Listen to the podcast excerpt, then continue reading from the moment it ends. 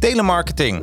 Iedereen is wel eens gebeld op het moment dat het jou niet uitkwam door een dergelijk bedrijf. Deze vorm van pushmarketing is ondanks haar slechte imago best effectief.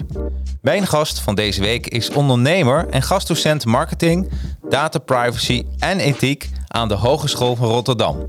En auteur van het nummer 1 managementboek Bel me wel. Nou, ben jij benieuwd naar de wereld van telemarketing? Dan wordt dit een heel interessant uurtje. Mijn naam is Jacarino en je luistert naar de Jacarino's Advertising Heroes podcast. Here we go. Yeah, the advertising heroes. Let's go. Okay, the advertising heroes. Time for you to know. Help you get your name buzzing for the world. Time to show. Help create a market plan. Now it's time to get it rolling. Even offering you live and online courses. Yeah, yeah. Time to strategize. If you ready, let's begin. For your Instagram, Facebook, LinkedIn. Five years experience, the minimum. So they can help you step it up. Time to represent. Okay, can this ish crash? Knowledge is power. Advertising heroes, yeah, you know that they got ya. Time to take it higher, ready for whatever. Help your social media go to the next level. Uh, advertising heroes, and they ain't stopping. This ish crash? Knowledge is power. Advertising heroes, time for you to show it. Help you represent your brand. Time to be heroic, yeah. Advertising heroes, let's go. En welkom iedereen bij uh, ja, aflevering 109 van de Advertising Heroes podcast. Uh, ja, Advertising Heroes is een, uh, een reclamebureau met een super specialisatie op social media. En uh, in social media weer een super specialisatie op podcast. In samenwerking met Facebook, Instagram en LinkedIn advertising. Dus wil je jouw bedrijf ook wat meer doen met podcasting? neem dan eens een keer contact met me op. Daarnaast hebben we ook Academy. En als je ook weer weet hoe je dat zelf allemaal opzet, dan leer ik je dat ook nog. Dus uh, je kan altijd kiezen van wil ik het zelf doen of wil je het uitbesteden. Dus, uh, en dat is Advertising Heroes. Uh, iedere zondag lees ik eigenlijk een boek. En dan ga ik daar heel lang over nadenken, een week lang. En de vrijdag daarop dan mag ik het bespreken met de desbetreffende gast. En ja, jullie zien het al in beeld. Bel me wel, Patrick Jordens. En dat is mijn gast van deze week. Nou, welkom. Dank ja. je. uh, helemaal uh, uit... Uh, waar, waar, waar kom je eigenlijk vandaan? Ik kom zelf uit Monster. Heb je ja? er wel eens van gehoord? Mon ja, heb ik, in ons voorgesprek zei ik dat ik ooit bij Mitra als marketingmanager heb gewerkt. En we hadden een Mitra in Monster. Ik ken hem. Ja, hè? Ik kwam er nooit hoor, maar nee, ik ken hem. Jij ken hem wel. Ja, ja, ja, ja een geweldige winkel trouwens. Ja. ja. En, uh, en, en, uh, en op dit moment, maar ben je ook daar vandaan gereden? Ja. Zeker. Oh, ja. Monster. Oké. Okay. Hoe lang is het rijden naar? Uh... Nou, anderhalf uur. 1 uur en 40 minuten wel. Ja, toch wel, hè? Ja. ja. Dus even doorkachelen. Ik wil net. Ik heb deze week voor het allereerst weer een, uh, een rit gemaakt van bijna twee uur. Uh, want normaal komen mensen gewoon naar mijn studio toe. En ik zal je vertellen, ik begon het gewoon saai te vinden. Ja. Heb jij dat ook? Dat je nee. zo'n moment hebt? Nee, hè? Ik nee. dacht van.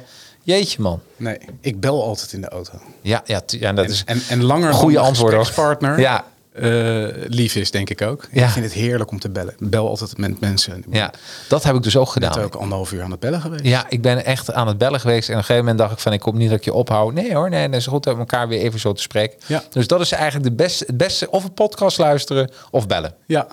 Ja. Dat is eigenlijk wat je, nou, wat je zou dat moeten zijn doen. precies de dingen die ik doe in de auto. Nou, het is alleen maar leuk. Ja. Um, um, we hebben het wel eens uh, gehad over... Uh, uh, in, het, in het zakenleven heb je het over de elevator pitch.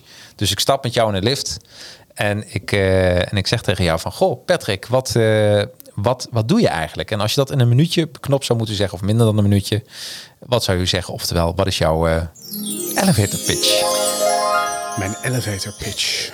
Ik ben ondernemer en oprichter van uh, een aantal consultancybedrijven... die um, eigenlijk grote adverteerders op de Nederlandse markt helpen met hun marketingkanalen. Ja. Uh, dus niet alleen maar het kanaal waar ik over heb geschreven. Uh, daarnaast ben ik gastdocent marketing, privacy en ethiek aan de Hogeschool van Rotterdam. Vanwege mijn achtergrond. ik ben nogal goed ingevoerd in alle regeltjes omtrent marketing heen. Ik snap marketing zelf natuurlijk ook heel goed. en ik heb een boek geschreven dat heet Bel me wel. Ja, Nou, en da daar gaan we vandaag met elkaar over hebben. En sterker nog, eh, jouw boek is... eh, Boekreview. ja, we gaan een boekreview. Bel me wel. Je ziet hem natuurlijk ook in beeld. Ehm, ik heb hem gelezen. Van, eh, van A tot Z.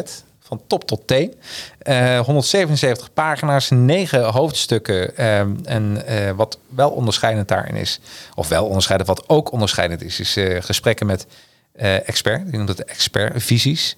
Dus je hebt eh, je theorie heb je meteen een beetje getoetst met de praktijk. Hoe kijken zij er tegenaan? Eh, mensen uit jouw netwerk. En eh, ja, want dan weet je ook van eh, ja, welke dat je de crème de crème, crème de la crème kon selecteren voor jouw boek. Ja, waar je een goed gevoel bij hebt. Zeker. Hè? Dus, eh, en ehm, ja, mijn, mijn allereerste vraag, want we hebben het over telemarketing, eh, de, de olifant in de kamer. Het is toch soms eh, heel erg irritant hè? dat je gebeld wordt. Zit je s'avonds in je stoel, op, op je stoel en op een gegeven moment gaat de telefoon en denk je, oh mijn god, daar heb, daar heb je weer een. Want dan zie je dat nummer al, of onbekend.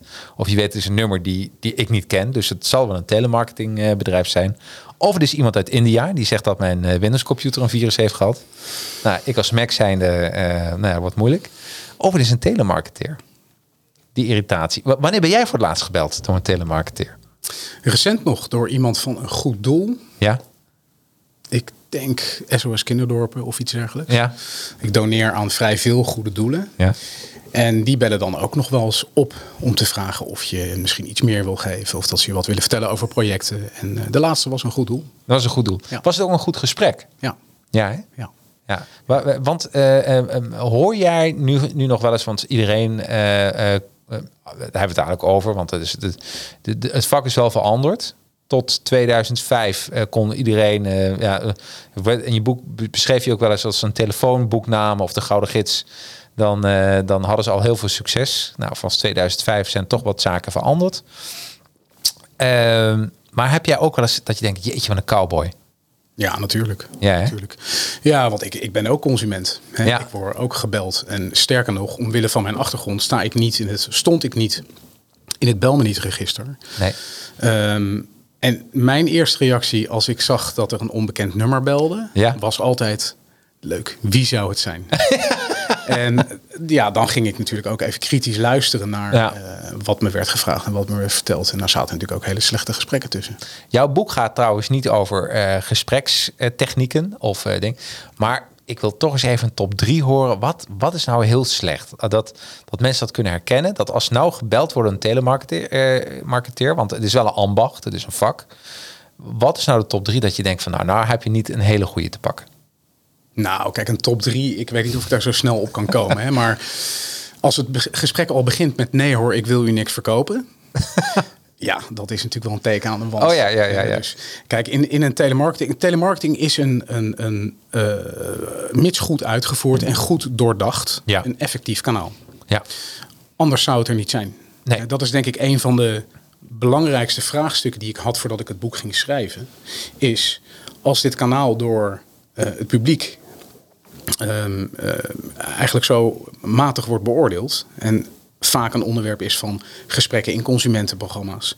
Waarom passen bedrijven het dan toch altijd steeds toe? Ja. Waarom blijven ze eraan vasthouden? Ja. Die zoektocht heb ik gemaakt. Oh, wat leuk. Ehm, en dan kom je dus uit op het, eh, op het punt, en daar heb ik natuurlijk veel adverteerders over gesproken, die dat kanaal gebruiken of laten inzetten. Ehm, dat het een heel effectief, eh, schaalbaar en eh, uiteindelijk ook kostenefficiënt kanaal is voor ze om nieuwe klanten te werven. Of om bestaande klanten iets extra's te verkopen. Of om Ja. donateurs te werven voor goede doelen. Ehm, maar ja, goed, eh, de, de valkuilen. Hè. Te snel eh, zo'n campagne opzetten met slecht getrainde mensen. eh, die dus inderdaad een gesprek beginnen met: nee hoor, ik wil je niks verkopen. Eh, mensen die niet kunnen levelen met de andere kant. Ja. ja, da- daar heb ik natuurlijk ook wel wat weerstand tegen. Ja, precies. Ja. Ja. en, en, en vooral als mensen zeggen, nou weet je, ik heb nu een aanbod voor je, maar je moet nu beslissen. Want als ik ophang, dan ja, is het echt voorbij. Ja, ja. nou ja, goed. Dus dat, dat zijn ja. allemaal zaken die, die ook Ja. wettelijk gewoon eigenlijk helemaal niet zijn Niet, niet toegestaan. mo- nee, precies, precies. En aan mij hebben ze dan toevallig net de verkeerde. Ja. ik weet precies wat er wel en niet mag. Ik ben pas nog gebeld. Ja, Eh, dat was ook door een goed doel. Ja. eh, met een anoniem nummer. Oh. Na de wetswijziging. Oh, en dat mag niet. Dat, en ik klopt, ik was donateur geworden. Ik ga even niet de naming en shaming doen. Nee, nee, nee, hè. nee, Dat vind ik niet nee. netjes. Maar Nee. ik, ik was inderdaad donateur geworden, recentelijk. En eh, ze belden mij na, denk ik, voor een bedankje. Of nou ja, hè, misschien toch om te kijken of ze nog iets meer eh, konden krijgen. Ja. Ik, ik weet eigenlijk niet wat het was, want ik zat in het buitenland. Maar ik zei, joh, jij belt met een afgeschermd nummer. Dat is niet toegestaan. Nee. Nou, dat wist die telemarketeer natuurlijk niet. Maar ik zei, joh, zeg het wel even tegen je leidinggevende. Dit kan echt niet meer. Nee. Eh, dus ja, aan dat soort dingen kun je eigenlijk al gelijk zien of het een bedrijf is wat, eh, wat jou als consument serieus neemt. Ja. Want als dat zo is, dan zijn ze verdiept in die wetgeving en hebben ze hun mensen daarop getraind. Ja, ja dat klopt. Ja, ik, ik- de- deze week ben ik heel, heel vaak gebeld uit Rotterdam weer. Ehm, en dat is een bedrijf, hoe heet dat? De Consumentenbelang, zoiets. En dus, eh, maar ik was er niet. Maar het valt me ook op als je dan terugbelt, krijg je een, eh, een soort eh, voicemail. Van dit, dit en dit zijn wij. En denk ik, Ja. oh ja. Dus dan weet ik meteen van... Maar voorheen was het wel eens dat je weer terugbelde en waren ze gewoon niet bereikbaar. Ja, dat is niet toegestaan. Nee, nee. En dit wel. Dat je dan inderdaad hoort van wie is het. Normaal, een normaal nummer is het gewoon. Ja, maar wat wel gek is, is in de huidige Ja? markt, hè, dus na de wetswijziging, zou jij eigenlijk moeten weten dat je gebeld wordt. En hoe moet je dat weten dan? Omdat je er toestemming voor moet geven. Dat is de nieuwe wetgeving behelst Ja. dat, je, eh, dat telemarketing niet meer, zoals ze dat noemen, opt-out is. Ja. Je mag altijd gebeld worden tenzij je in het belmenietregister stond. Ja. Nou, dat belmenietregister is weg. Het is nu, je mag gebeld worden als jij toestemming hebt gegeven. Dus idealiter Ja. zou jij dat natuurlijk moeten weten. Ja, ja. Dat je gebeld wordt. En ik ken de hele organisatie ook niet. Nee. Nou, dat nee. is- De grap is, ik heb deze week ook zelf wat meegemaakt. Want ik was een. eh, eh, want ook jouw boek gaat ook over e-mail marketing. Een stukje van de lead ge- generatie tot, totdat je kan bellen. Ja. En dat was een eh, dame. En heel terecht, die zei tegen mij: ehm, eh, Ik had een mailtje gestuurd, een via mijn nieuwsbrief. En had ze me gevraagd van, ja, heel leuk. En ook heel, had de podcast geluisterd, vond het ook superleuk, ging over de podcast. En dan zegt ze maar, mag ik je vragen hoe je aan mijn mailadres komt? En het mooie is, ik heb zo'n mailsysteem dat ik precies kan zien wanneer iemand zich heeft ingeschreven, eh, toestemming. Want tegenwoordig wordt het allemaal in Mailchimp, Active Campaign, dat soort dingen mooi geregistreerd. Ja. Dus ik kon zeggen van, eh, ja, je bent eh, in maart heb je ingeschreven voor deze webinar om zo en zo laat. En je hebt toestemming gegeven dat we je meer mochten mailen. En dat voelt voor mij zeker. Maar ik was wel een type. Ik dacht, oh, dat kan ook wel heel fucking scary overkomen. Dat ik gewoon weet wel wat ze allemaal aan het doen is. Ja. En ik zei, ja, maar dit, dit soort dingen moet, moeten we gewoon bijhouden. Ook vanwege de AVG. Ja. En eh, eh, dat vond ze wel heel fijn. Dus in het begin dacht ik van, ja, eigenlijk, ik was zo'n type. Ik dacht van, ja, het is bijna alsof ik nou weet wat je op dit moment aan het doen bent. Maar eh, ja, het is toch ook een, ver- een verplichting als bedrijf dat je dat moet bijhouden. Ja.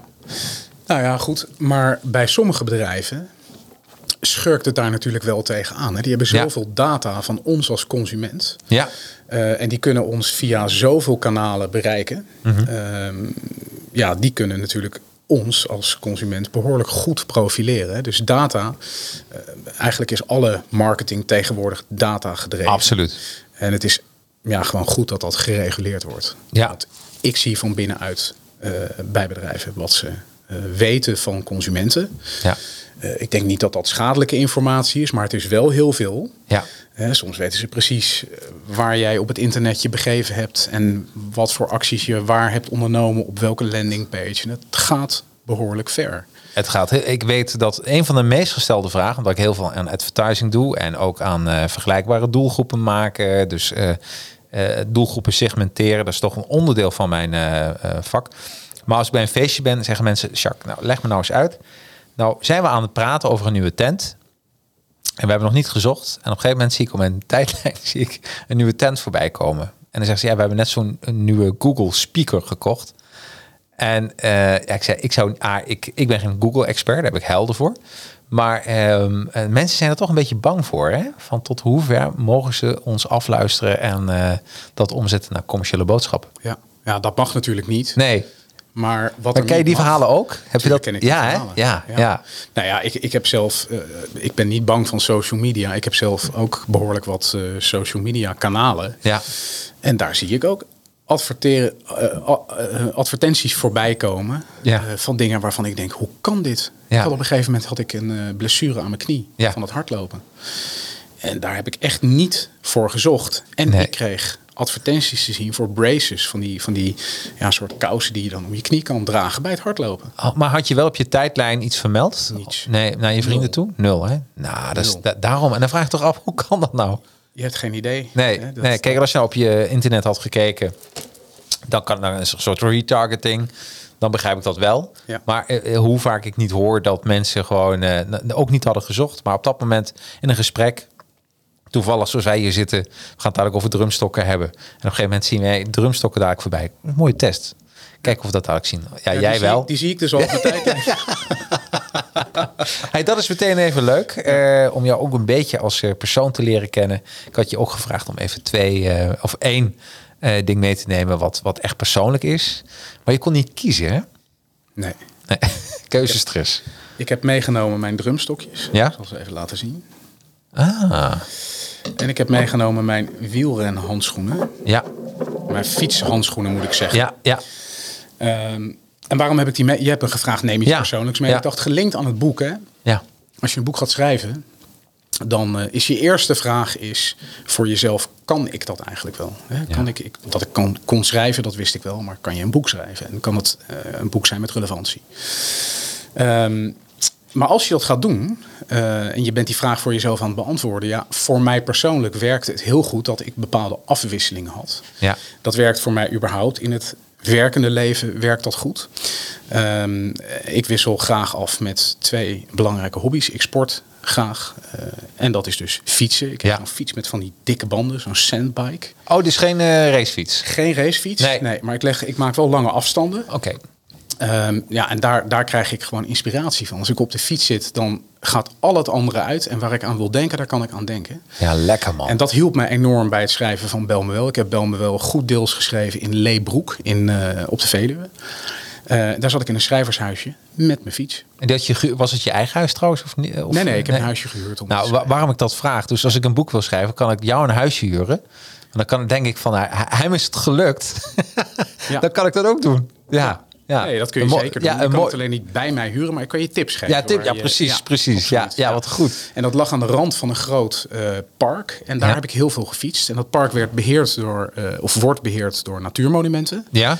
En laat dat nou net een van de partijen zijn die in mijn boek ook eh, een bijdrage Ja, dat, was echt toeval. Dus dan is een cirkel weer rond, hè? Dat was hij, ja. Ja. En ehm, de drumstokjes, ja, dat is een andere hobby. Ik maak heel graag muziek. Daar werkt het eigenlijk op dezelfde manier. Dus als ik ruimte nodig heb om eh, geïnspireerd te raken, eh, om na te denken, eh, dan kan muziek maken mij daar ontzettend bij helpen. Ik speel elke dag. Ja, ik heb heerlijk. een studio aan huis. Ik maak veel muziek. Maar even wachten, jij, maakt filmmuziek. Ja, veel. Oh, ik verstond, eh, verstond filmmuziek. Niet film. Nee, nou, dat, dat is, nee, maar gewoon filmmuziek. Veel, ja. Ook voor diverse groepen, voor je eigen groep. Wat leuk. Met meerdere mensen. Ja. Wat leuk, man. Ja, ontzettend leuk. Ja, dus eh, nou, dat vind ik wel heel leuk. Want ik weet, eh, muziek maken is altijd een stukje creativiteit wat loskomt. En, eh, en wat, een, wat een leuke combi ook. Dus zowel, ja, je moet wel volgens mij, wil je een boek schrijven, moet je en creatief zijn en rust vinden. En dat is jouw, ja, dat is toch die, die mooie modus voor jezelf dan. absoluut. Ja, nou, is een mooie. Dus mensen, als je een boek gaat schrijven, ga drummen, ga fietsen en huur dat eh, huisje. Dan, eh, dan komt het helemaal goed. Want het boek is wel een enorm succes geweest, hè? Ja. En nog steeds. Ja. Wat, eh, we, kun je iets over vertellen? Over de noteringen en waar en et cetera? Absoluut. Ik, toen ik begon met schrijven, toen dacht ik, ja, het is wel leuk dat jij een verhaal wil vertellen, maar willen mensen dat ook lezen? Ja. daar heb je natuurlijk gewoon geen idee van. Nee. Ehm, ik wist wel dat ik ging schrijven over een onderwerp waar al heel lang niets meer over geschreven is. Ja. Eh, en hoe dat komt, dat is voor mij ook maar gissen. Eh, maar over telemarketing, de boeken die erover waren, die gingen natuurlijk vooral over gesprekstechnieken. Hè? Hoe, hoe ga je nou effectief telemarketing inzetten? Over salestechnieken. Nou, laat dat nou net niet mijn, eh, mijn expertise zijn. Nee. Ik zit veel meer aan de kant van regulering en verantwoorde inzet van marketing en saleskanaal. Ja. Ehm, maar het was lang geleden, dus er was niet over dat onderwerp geschreven. En er stond iets groots te gebeuren, namelijk de wet ging veranderen. Op 1 juli jongsleden is dat gebeurd. Ja. Ehm, en misschien dat ik daar straks nog even iets over Ja. kan vertellen. Maar die, die wet ging veranderen. Ik, denk, ik, ik vind dat een mooi moment. Ik wilde in dit, deze fase van mijn leven een keer proberen om een boek te schrijven.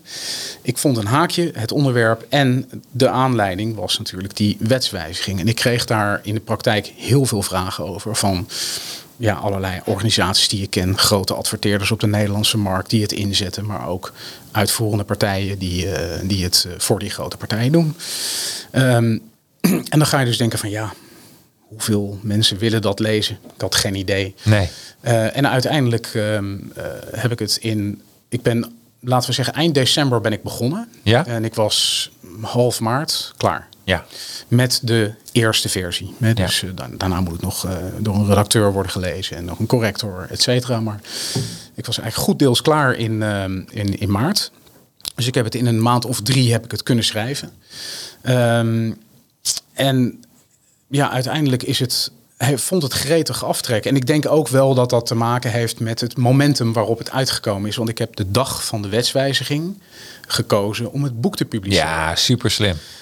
Nou ja, het is ook Ja. boerenslimheid, maar, Ja, nee, maar ja, het is gewoon was heel een handig moment. Om Absoluut. Ja. Absoluut. En door mijn achtergrond, eh, ik heb ook eh, behoorlijk wat contacten met overheden. Eh, bijvoorbeeld met economische zaken, met de autoriteit Consumentenmarkt, die ook in het boek zitten. Had ik natuurlijk wel een goed beeld wanneer die wet gewijzigd zou worden. Dus heb ik die timing ook zo gekozen.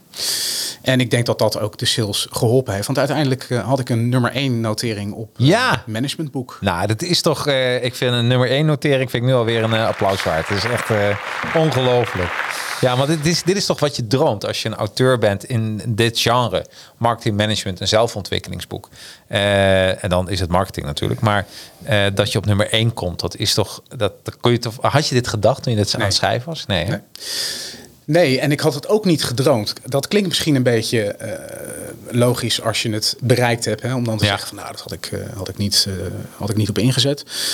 Natuurlijk wil je dat je boek het goed doet. Je Ja. wil namelijk als je een verhaal schrijft dat mensen het lezen. Ja. En dat de boodschap die in het boek doorcijpelt, hè, de rode draad die erin zit, dat de sector waarvoor je het schrijft, of de specialisten waarvoor je het schrijft, dat die ook eh, de lessen die erin zitten ter harte kunnen nemen. Ja. Dat was het doel. Mijn eerste gedachte was, kan ik dit wel? Dus kan ik wel een boek schrijven? Dus toen dat gelukt was, half maart, ja, toen had ik natuurlijk eigenlijk al een gevoel van overwinning. Het is me gelukt. Hè. Ja. De, rest, de rest komt wel goed. Eh, dat het nummer één positie op, op managementboek zou bereiken, dat had ik niet eh, gedacht. Maar ik moet zeggen, ik heb daar natuurlijk wel hard aan gewerkt. Want ik Ja. heb geprobeerd om eh er veel publiciteit aan te geven. Je hebt het niet aan toeval overgelaten. Absoluut Nee, niet. nee, nee, en dat vind ik wel heel mooi. Dus het Ja. is, eh, eh, eh, je hebt toch gewoon, al, je hebt het meest mogelijke aan marketing gedaan voor het boek wel wat kon. Ja. En dat is beloond met een nummer 1 notering. Ja, ja, zo kun je en terecht. zeggen. Ja, Ja, absoluut. Ja, leuk. Nou, en ik een super interessant onderwerp. Ehm, want ehm, ehm, in je intro vertel je dat, je dat er in Nederland ongeveer 200 miljoen plus commerciële gesprekken per jaar zijn. In Nederland. En ik zat het zo te lezen, eh, Patrick. En ik word ook heel vaak gebeld. En heel eerlijk, bij mij binnen vijf minuten is zo'n gesprek gewoon... Weet je, ik dacht, oh, daar gaan we weer. En ik hang hem op. En ik denk dat het wel herkenbaar is, toch? Of eh, mag ik dit zeggen tegen jou? Natuurlijk mag Ja, oké, oké, oké, oké. Want eh het heeft niets te maken met, eh, met de expertise van je boek. Want eh, die zit heel degelijk en goed in elkaar. Ehm, maar weet je ongeveer wat het percentage is van degene die het aanbod helemaal uit, uitluistert? Dus dat, dat die wacht tot en met het aanbod. Nee, dat vind ik, nee, die cijfers heb ik niet. Nee, hè? Daar ben Nee, ik dus heel benieuwd naar. Ook niet. Kijk, je kunt het wel hebben over conversiecijfers. Hè? Ja. Hoeveel eh, procent van de echte gesprekken leidt dat nou tot een succes voor degene die het inzet? Ja. Dat varieert enorm. Eh, dat kan soms zijn op het moment dat je bijvoorbeeld eigen klanten belt. Stel eventjes een, ehm eh, een triple play aanbieder, Ja. tv, eh, internet en telefonie. eh, belt, met, eh, belt al zijn tv-klanten om te vragen: joh, wil je ook telefonie bij mij afnemen? Ja, ja.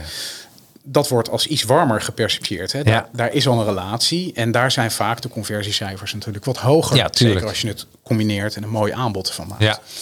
Eh, en op het moment dat je, ik noem maar wat, een energiebedrijf bent en je moet nieuwe klanten werven waar je nog geen relatie mee hebt, dan liggen die percentages lager. Ja. Dus dat kan verschillen van een paar procent tot eh, tientallen procenten. En ehm, dat hangt dus af van eh, het, het type doelgroep dat je belt. Eh, maar het hangt vooral af van de relevantie van je aanbod. Ja. En ik denk dat daar wel een, een les in schuilt. Hè? Zet telemarketing niet zomaar in, maar zit je doelgroep er eigenlijk wel op te wachten? Een hele goede vraag.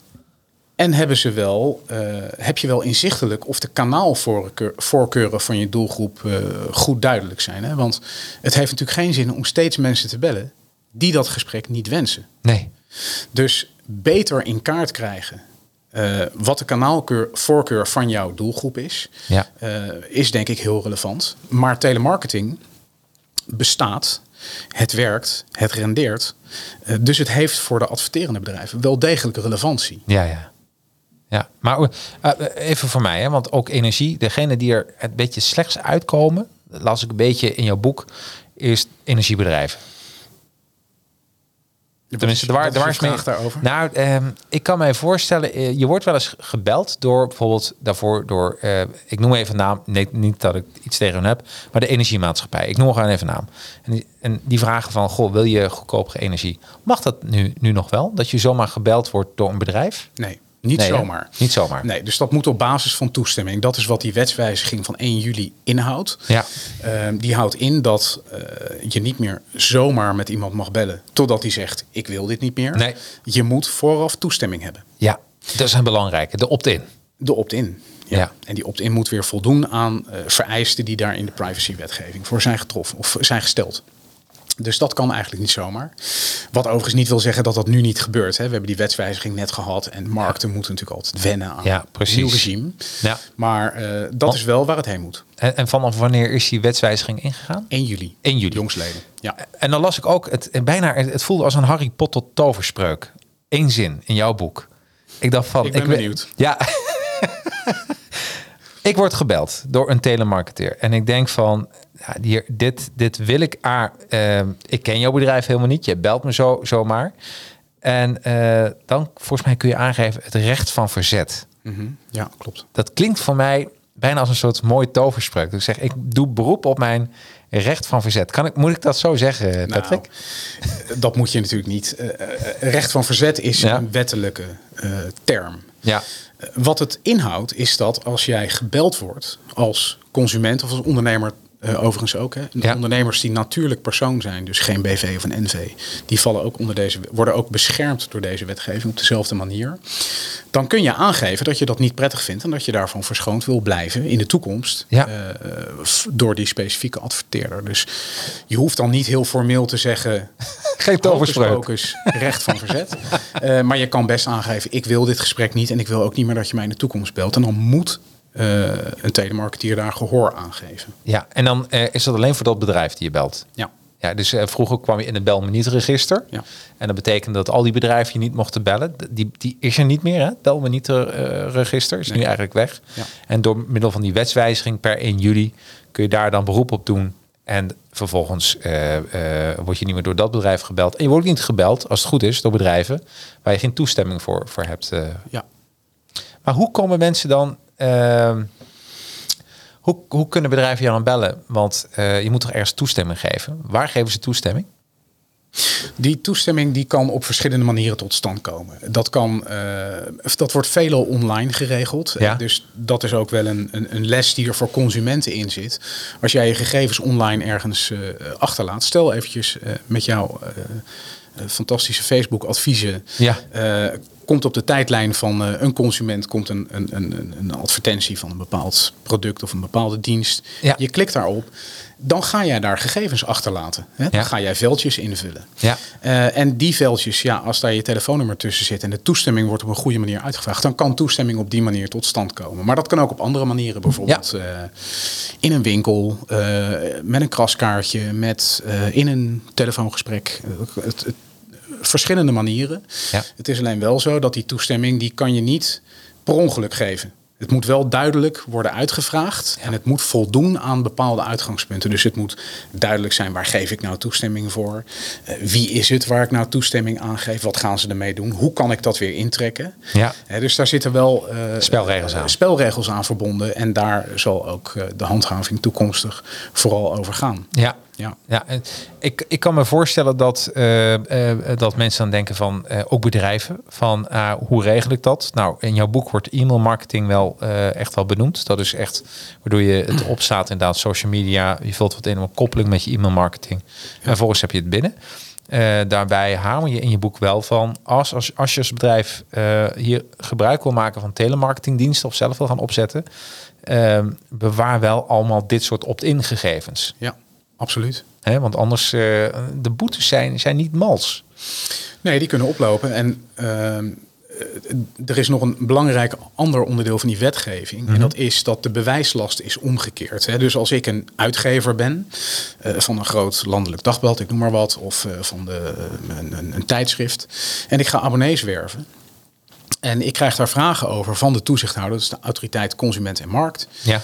Dan moet ik bewijzen dat ik toestemming had. Het is ah. niet zo dat zij moeten bewijzen nee. dat jij geen toestemming had.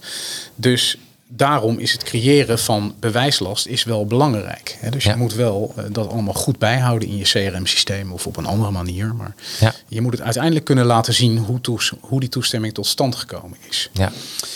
Maar het is wel grappig, jij stelde mij net een vraag. En, en daar wil ik toch nog wel even op terugkomen. Hè. Dus, uh, Welke vraag was dat? Een vraag over de energiesector. Ja, ja, ja. ja, ja. ja het lijkt wel alsof...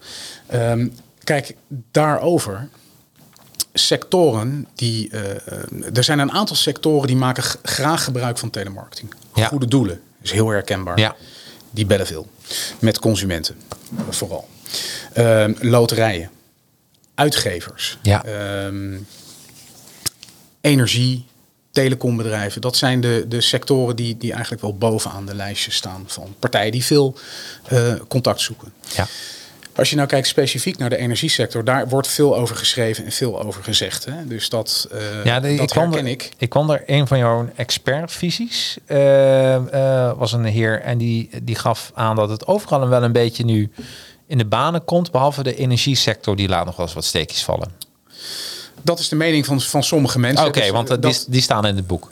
Dat klopt, ja, absoluut. Ja. ja. dat wil niet zeggen dat dat mijn mening is. Ik, ik nee. heb daar natuurlijk, uh, natuurlijk met, met, met allerlei specialisten over gesproken. Ja. Ja. Um, en ik denk dat, um, dat alle sectoren verbetering uh, kunnen maken. Maar even specifiek over de energiemarkt. Ja. Kijk, dat klopt. Die bellen heel veel. Die ja. heel veel. En dat heeft een achterliggende reden. En die zit hem eigenlijk weer in wetgeving. En dat is dat wij kunnen als consument op elk moment besluiten om ons contract te verbreken bij ons huidige energiebedrijf. Ja. En morgen over te stappen naar een ander. Ja. Dus, en dat heeft te maken met het feit dat dat kan. Hè, want dat is eigenlijk heel raar. Want als jij vandaag weg wil bij jouw mobiele telefoonprovider. Dan heb je wel een probleem. Dan moet je je contract uitdienen. Absoluut. Bij een energiebedrijf is dat niet zo. Nee. Dat komt omdat de overheid wakkert heel erg de concurrentie aan binnen uh, die energiesector. Ah. Waardoor wij als consumenten ook uh, lage prijzen betalen.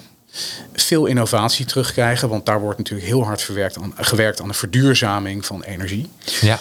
Maar het is een onwaarschijnlijk competitieve markt. Er Ja. zijn in Nederland 60, 70 uh, energiebedrijven. Ja. Wat misschien een beetje veel is. En laatst las ik in de krant dat Shell ook energie gaat verkopen. Kijk. Dus er komen nog steeds nieuwe Ja, energiebedrijven. ja, ja, ja, ja.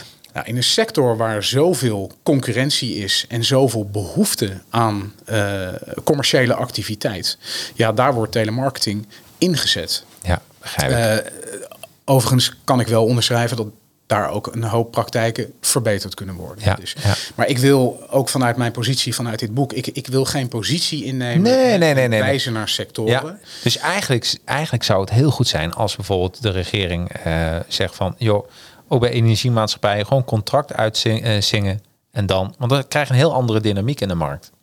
Ja, en het is nu zo dat uh, als jij je contract niet uitdient, dan kan je daarvoor een boete krijgen van je huidige energieleverancier. Ja. Maar die wordt dan vaak weer vergoed Door de- door de volgende, Ja. omdat daar een maximum boete op zit. Ja, ja, ja. Dus het is of eh, als je de, de, de markt wat rustiger zou willen maken. Ja. eh, maar dit heeft verder niks met telemarketing. Nee, nee, nee, nee, nee, maar gewoon even- markt precies. maken. Als je wat rustiger zou willen maken, dan zou je of eh, moeten zeggen: ja, je moet gewoon je contract uitdienen. Als jij een jaar bij energiebedrijf A zit, En waarom ook niet? Dan zit je daar. Ja. Eh, of ze moeten de boetes, de opzegboetes verhogen. Dat, eh, die zijn nu gemaximeerd. Eh, Ja. Die zou je ook kunnen ophogen. En daar wordt volgens mij in de sector ook wel over gesproken. Ja. Ehm, want dat zou het ook wat rustiger maken. Want het is natuurlijk ridicuul dat jij vandaag van energiebedrijf A naar B kan gaan. En volgende week van B naar C. En Ja. de week daarna van C naar D. Gewoon blijven hoppen. Omdat je zo vaak benaderd wordt. Ja. Want al die bedrijven hebben honger. Want Ja. ze zitten in enorm concurrerende markten. Ja. Concurrerende markt. Ja. Nou, en dat is, dat is hè, dus dat vertroebelt een beetje, vind ik, eh, de discussie over dit mooie kanaal. Hè, Ja. Want het is een marketingkanaal zoals alle andere, waarin je net als bij Facebook marketing of e-mail marketing met respect met jouw doelgroep moet omgaan. 100 procent. 100 procent. Ja. Maar hij wordt een beetje eh, veelvuldig gebruikt in Ja. bepaalde sectoren. Ja. En het is ook een beetje, denk ik, het verschil tussen een push en een pull kanaal. Ja, absoluut. Hè? Want een push, eh, daar zit je echt niet op te wachten.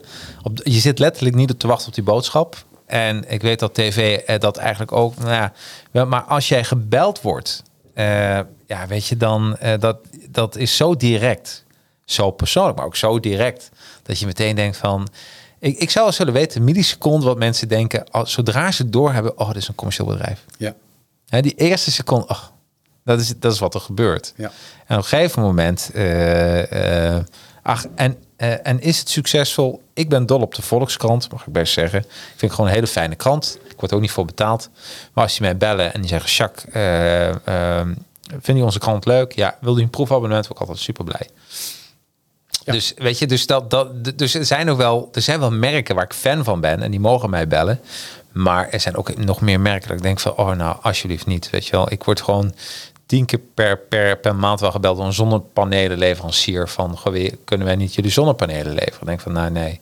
Ja. nee, nee dus en, en, en, en, dat, en ik denk dat dat een beetje is. Het is echt in your face. Ja, ja absoluut. Nee, dat is zo. Kijk, als je kijkt naar marketing in het algemeen, dan schuurt dat natuurlijk altijd een beetje met eh, nou ja, het gevoel van de, degene die wordt benaderd. Hè. Dus Ja. Tv-reclame. Je had het er nog even over. Ik zat gisteren bij mijn ouders. Ja. Eh, en toen eh, kwam er ineens reclame op. Toen schreeuwde mijn moeder naar mijn vader. Zet dat ding eens zachter. Ja. En mijn pa zei, ja, maar ik heb hem niet harder gezet. Nee, Nee, want hij, ja, de tv-reclame wordt harder gezet, zodat Ja. het goed binnenkomt en dat jij goed luistert. Ja.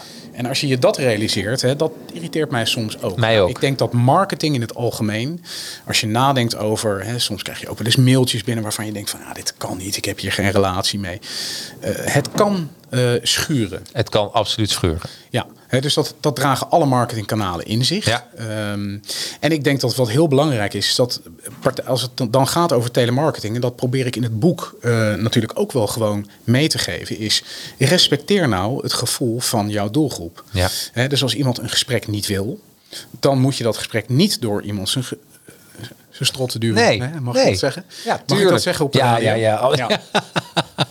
En dan moet je dat respecteren. Ja. Ehm, maar als jij een relevant eh, verhaal hebt voor iemand, en dat kan heel goed. Hè. Ik gebruik wel eens het voorbeeld van, stel, je, ik heb je net verteld, ik ben muzikant. Ik hou ook van jazz. Ik hou van heel veel muziek, maar ik vind jazz vind ik mooi. Ja. Ehm, stel dat mijn tv-provider nou eh, zegt van, joh, we hebben een nieuw kanaal, eh, Jazz TV.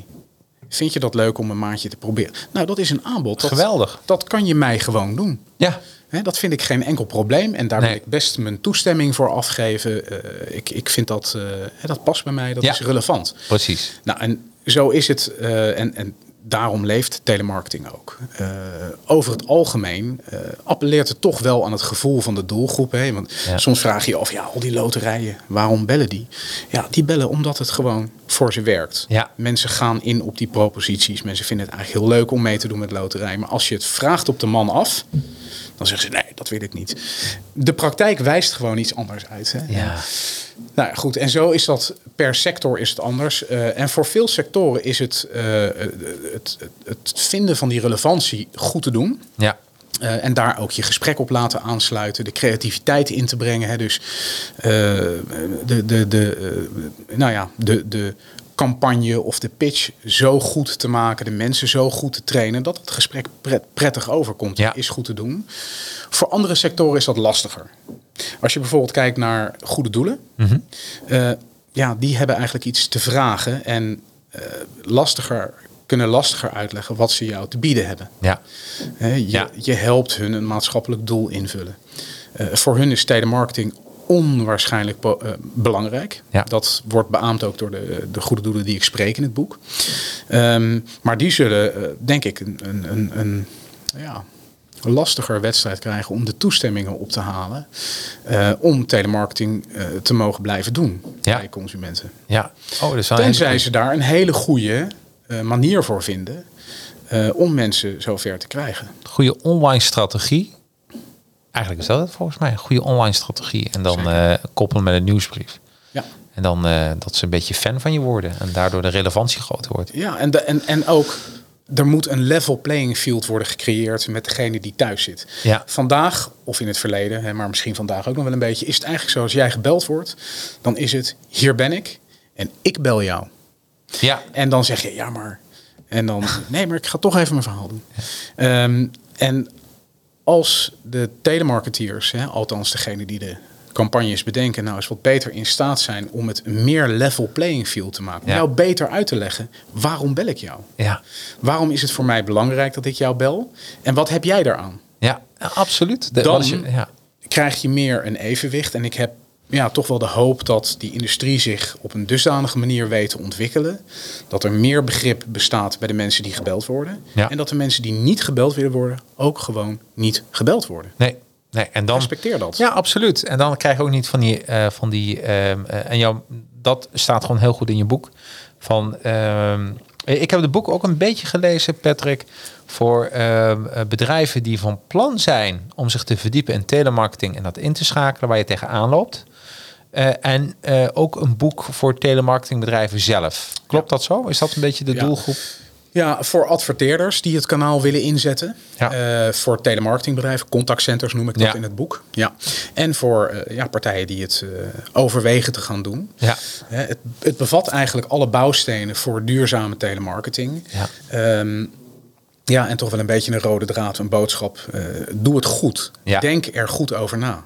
Eén ding wat mij, ik, ik heb je boek van A tot Z gelezen en wat mij eh, naar boven kwam, ehm, als, als, ik als ik als bedrijf, ehm, nou ook al bij je een, een MKB tot met, met 100 eh, man personeel, ik zou dat nooit zelf gaan doen. Ik zou eh, een consultant in, inroepen of iemand die mij zou kunnen helpen en contact zoek met een goed telemarketingbedrijf. Want om dat zelf op te pakken, hoeveel juridische hobbels je wel niet moet nemen. eh, het was mij wow, hè, dat wist ik helemaal niet. Hoeveel, eh, en ik neem mensen daar ook al even mee door middel van jouw boek, wat er eigenlijk gedaan moet worden. Maar dit, dit, is, dit is wel, eh, laat ik zeggen, een, een, een, Google-campagne, een Facebook-campagne, Instagram-campagne. Dat zet je op en, en dat is gewoon kennis. Als je die kennis hebt, dan kun je echt hele goede campagnes maken aan vlieguren. Maar hierbij heb je zoveel meer nodig dan alleen je eigen kennis. Een van je tips in het boek is, eh, ja, huur een juridisch adviseur in. Ja, ja. Ja, zeker. Ja, het, het hangt natuurlijk wel een beetje vanaf in welke mate je het gaat toepassen. Hè. Als je Ja. een keer je klanten gaat bellen of, eh, of een paar eh, eh, niet-klanten prospects, Ja. ehm, dan hoef je natuurlijk geen eh, jurist in te huren. Nee, maar echt Maar als je...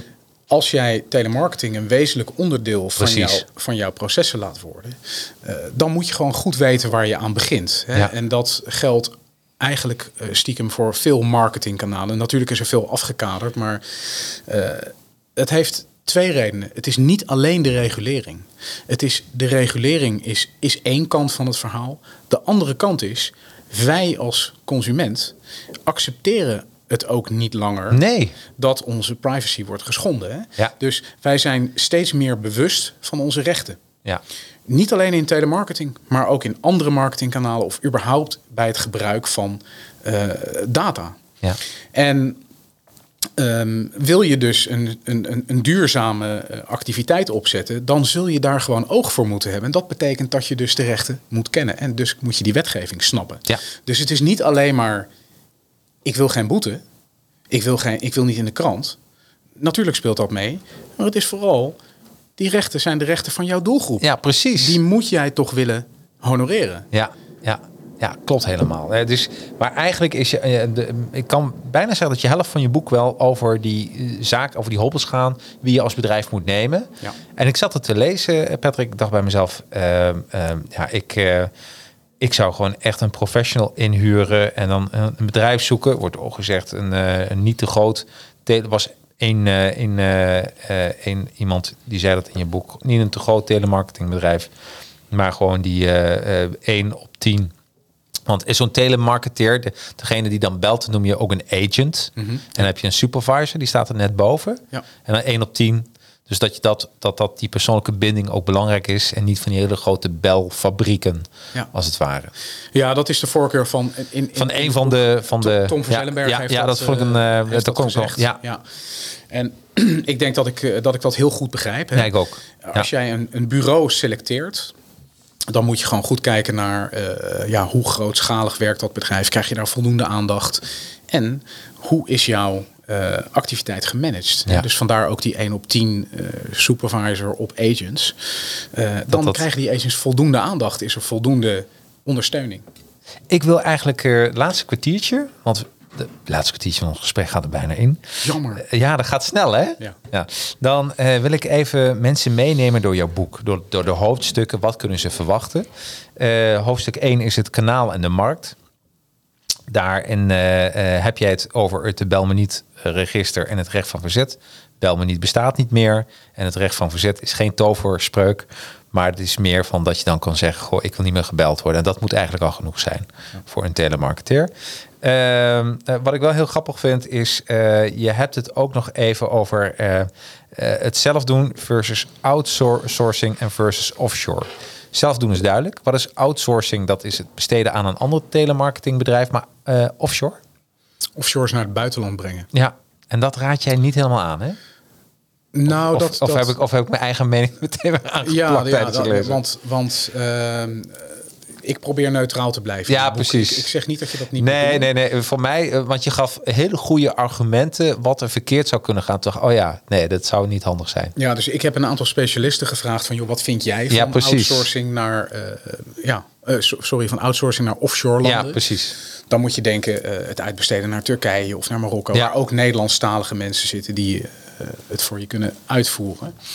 Ehm, nou, en de een zegt, eh, ik vind dat prettig, dat, dat dat kan. En de ander zegt, ik zou het nooit doen. Hè, dus daar zijn verschillende meningen over. Ik probeer zelf een beetje neutraal in te blijven, maar ik heb er als mens natuurlijk wel, Wel een mening over. zeker wel een mening over. Ja. Kijk, ik heb veel van die praktijk gezien. Ja, En dan kan ik je vertellen, als je gaat offshoren, dan is het eh, bureau wat dat voor je doet, is ver weg bij je. Ja. En telemarketing is succesvol als je involved bent als opdrachtgever. Je Ja. moet er bovenop zitten.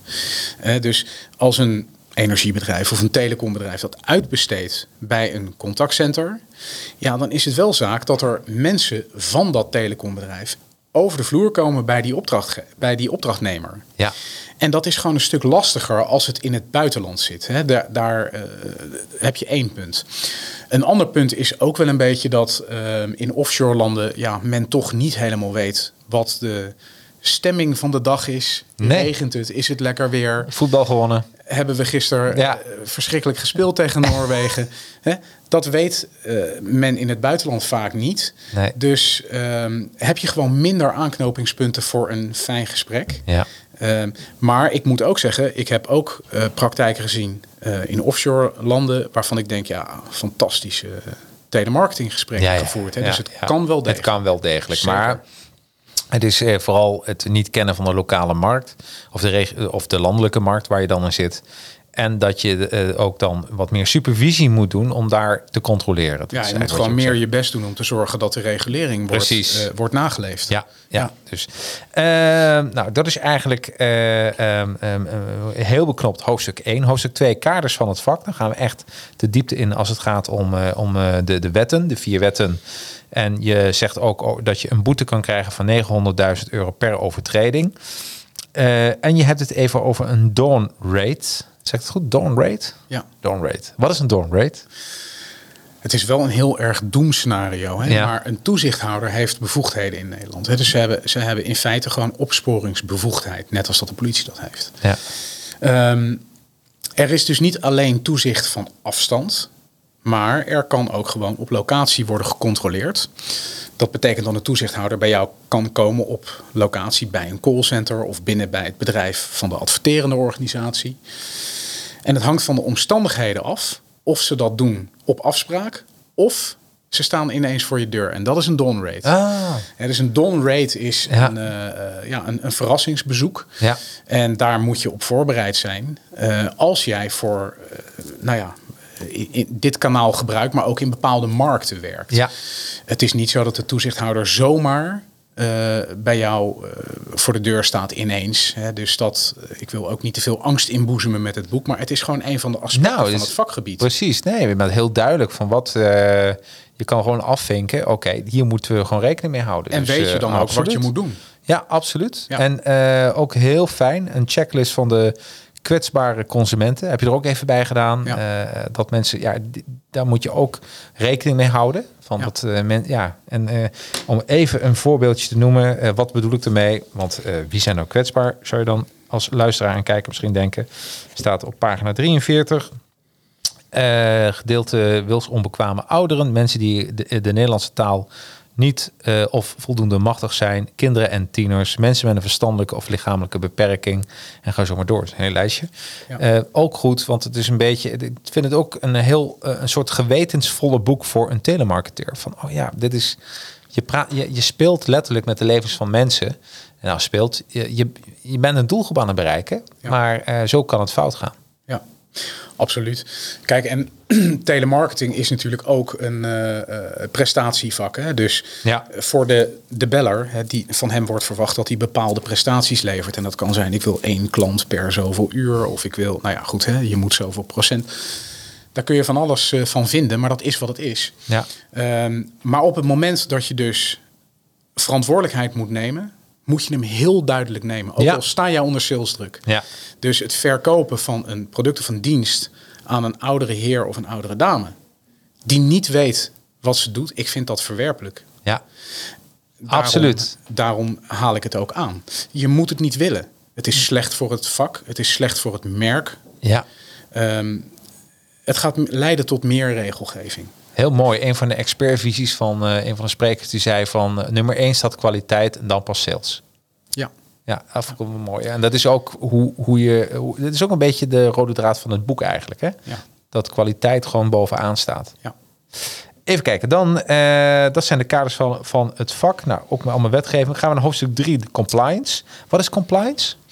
Compliance is het, het bewust voldoen aan wet en regelgeving. Bewust en aantoonbaar voldoen aan alle wet en regelgeving. En dan kom ik een beetje op dat punt van die omgekeerde bewijslast. Ja, Zeker nu, als jij telemarketing inzet, ja, dan moet eigenlijk elk moment van de dag moet jij kunnen uitleggen: kijk, dit heb ik gedaan ja, om ervoor te zorgen dat. ja, Dus ja, je moet wel zorgen dat je bewust wet en regelgeving kent, beheersmaatregelen implementeert, controleert of die nog werken en dat je een goed verslag legt. Nou, weet je, en dat zat ik dus te lezen met alles wat erbij komt te kijken. Toen dacht ik, ik zou mijn klanten gewoon aanraden van eh, ga niet zelf. Vooral niet als je echt het serieuze campagne wil doen. Schakel gewoon een telemarketingbedrijf in. Want die weten al dit soort dingen en die helpen je een beetje op weg. Precies. Hè? Dus eh, ik las dat ik dacht, nou, eh, niet zelf gaan zitten googlen. Hoe moeten we dit doen? Ja, zeker als je een, serieuze activiteit wil opzetten, dan, dan moet je echt expertise halen Ja. als je dat niet in huis hebt. Klopt. Nee, dan, dan gaat het eh, snel mis. Daar staan dan ook de vier, eh, wat is het, zeg ik, vijf stappen in. eh, wat je moet doen voor die compliance. Wat het is, daar kun je het boek voor lezen. Ehm, en ik, vond, ik heb echt genoten van het, de expertvisie van Tom Verzellenberg. Dat is een consultant tussen een opdrachtgever en een faciliterende wereld. Eh, en als mensen echt denken van, ja, hoe pak ik dat aan? Zou ik zeker dat hoofdstuk aanraden. En vooral de expertvisie van Tom Verzellenberg. Vond ik zelf een hele, heel, eh, dat ik dacht van, ja, dit begrijp ik. Tenminste, ik, begrijp alles. Maar dit vond ik zo van, oké, die zo'n persoon zou mij, mij kunnen helpen als ik een groot bedrijf had om Ja. die schakel te leggen. Ja, dat kan ik onderschrijven. Ja, Ja. ja. echt heel goed. Ik heb hem niet voor niets gevraagd. Ja, ik, ik vond dat zo'n duidelijk verhaal. Dus ik zou, als mensen zitten te twijfelen, eh, je koopt het boek, je gaat meteen naar hoofdstuk 3 en leest die expertvisie door. En voor de rest eh, eh, alles ter onderbouwing van. Maar dit is gewoon geweldig. Ja, ah, Ja, leuk om ja. te horen. Dan hoofdstuk 4, de hygiënefactor. Wat is kwaliteit? Kwaliteit is natuurlijk een, een, een, een breed begrip. Hè? Ja. Wat, wat jij onder kwaliteit vat, wil niet zeggen dat ik dat onder kwaliteit vat. Nee. Even een kuchje. Ehm, maar het is absoluut een, eh, een onderdeel waar je over na moet denken. Ja. En je moet daar je eigen normen voor ontwikkelen. Kijk, wat kwaliteit is, staat bijvoorbeeld ook niet in de wetgeving. Hè? In Nee. de wet staat waar je je aan wettelijk moet houden. Ja.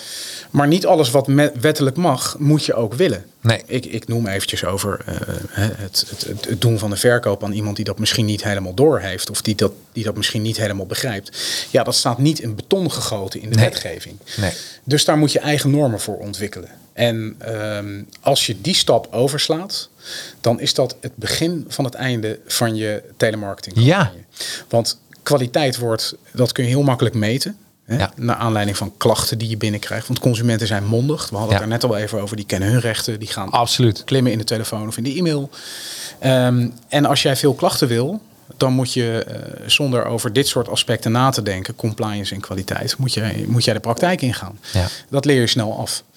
Dus het is heel belangrijk dat je kwaliteitsborging toepast, dat je gesprekken luistert, eh, ook achteraf om te kijken, is dit wat ik wil? Hè? Eh, past wat hier gebeurt bij mijn merk? Ja, Eh, zo en- belangrijk. En helaas, in werkelijkheid gebeurt dat gewoon te weinig Ja. Ja. wordt er toch gekeken naar, nou, de resultaten zijn goed. Ja, we krijgen wel klachten, maar ja, dat hoort bij dit kanaal. Ja. Dat is misschien wel waar, maar klachten voor lief nemen vind ik de dood in de polder. Je kunt het niet doen. nee, is geweldig. Je, je vergelijkt ook met een raceauto die dan eh, de finish heeft gehaald, maar hoeveel andere auto's er van de weg zijn geraakt. Ja, Dus dat Ja. vond ik een mooie metafoor en dat is wat er dan gebeurt. dat is wat er gebeurt. Ja, Ja, ja. Het is heel toepasselijk eh, komende weekend. Ja, precies. Ja. Afgeraced hier in Nederland. Misschien kunnen we nog laten sponsoren. Ja. We gaan hem even bellen. Ja, doe het. Even kijken, dan. eh, en je kan ondertussen een slokje water nemen. ehm, want ik, ik laat je wel de hele tijd aan het woord, natuurlijk, Patrick. Dus dat is. Doe ik.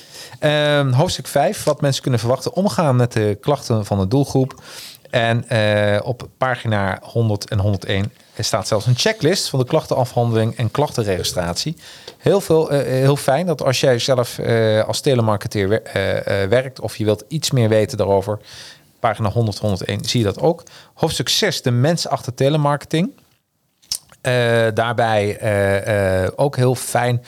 Die wil ik toch er even bijpakken. De diverse ronde, eh, rollen van de contactcenter. En wat ik heel fijn vond, ik zat me altijd af te vragen: hoe werkt nou zoiets? hè? Zo'n zo'n afdeling. Dat heb je mooi beschreven in je boek.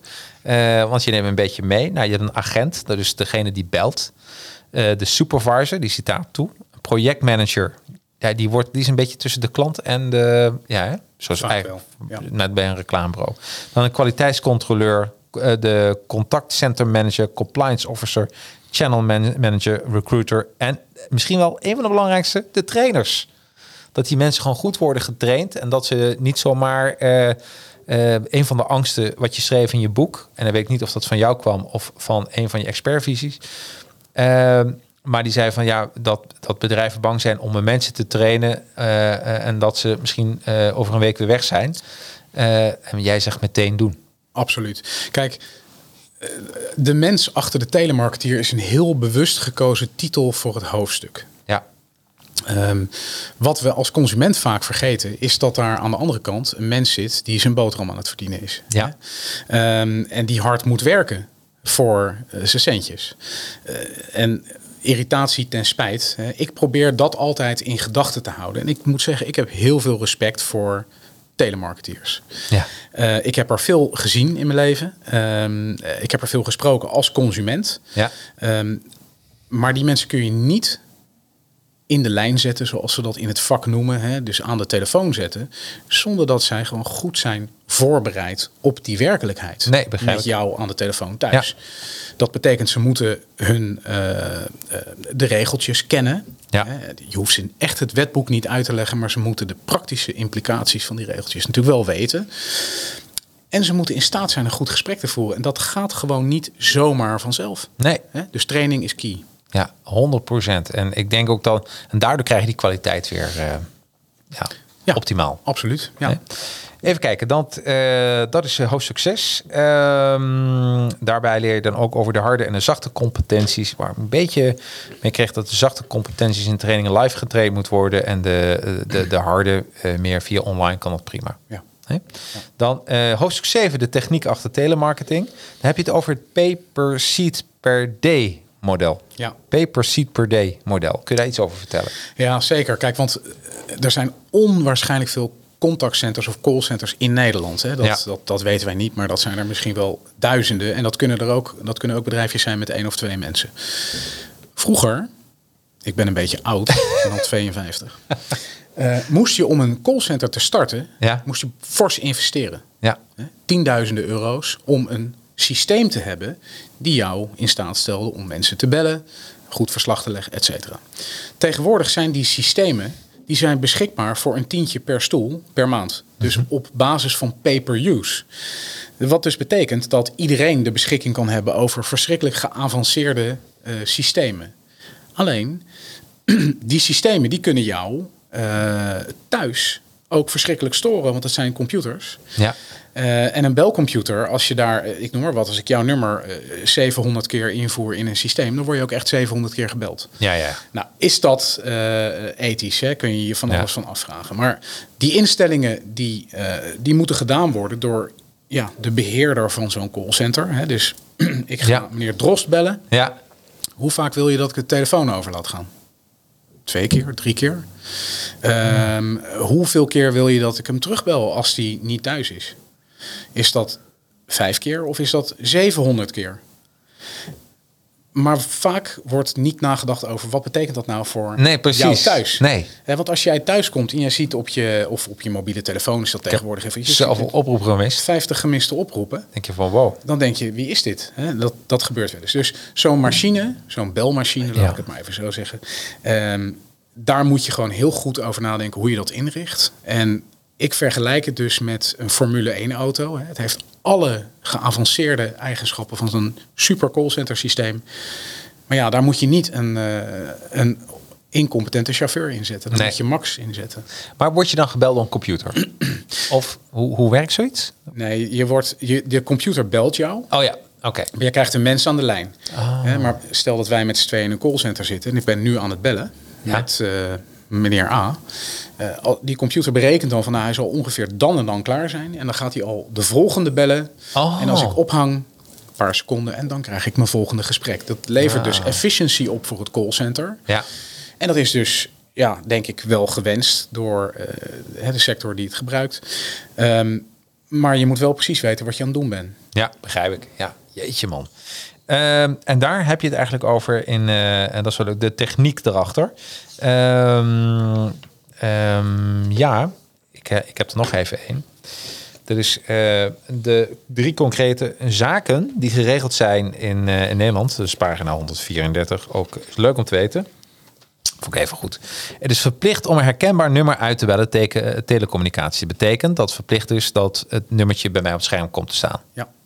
Dus niet meer wat jij zei eh, als, voor, nee, als voorbeeld. Het, het nummertje 2, automatisch bellen zonder menselijke tussenkomst, is verboden.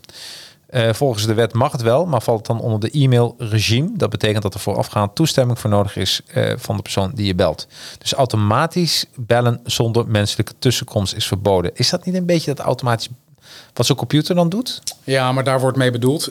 Weet je hoe Obama de verkiezingen heeft gewonnen? Nee? Die gebruikte robocalls.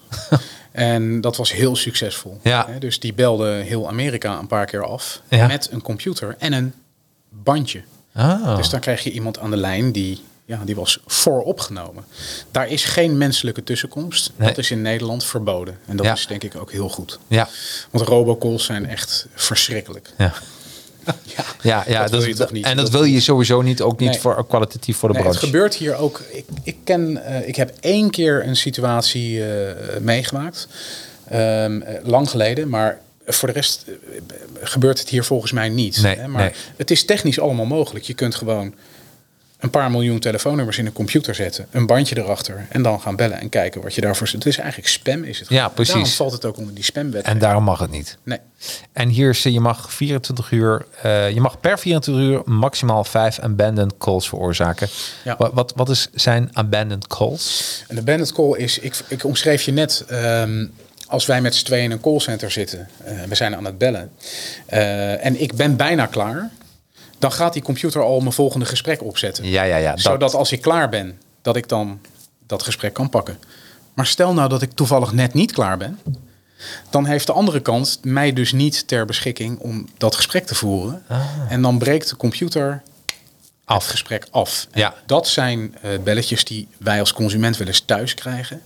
Dat je denkt, ik pak de telefoon op en je hoort een dode lijn. Ja. Niets. Je Nee. hoort helemaal niets. Nee. Dat is vaak een belcomputer. Nou, dat, dat- je noemt dat een abandoned call, een verlaten gesprek. Ja. Daar, is gewoon niemand beschikbaar Nee. voor. Dat, ook al ben jij gebeld, is er niemand beschikbaar.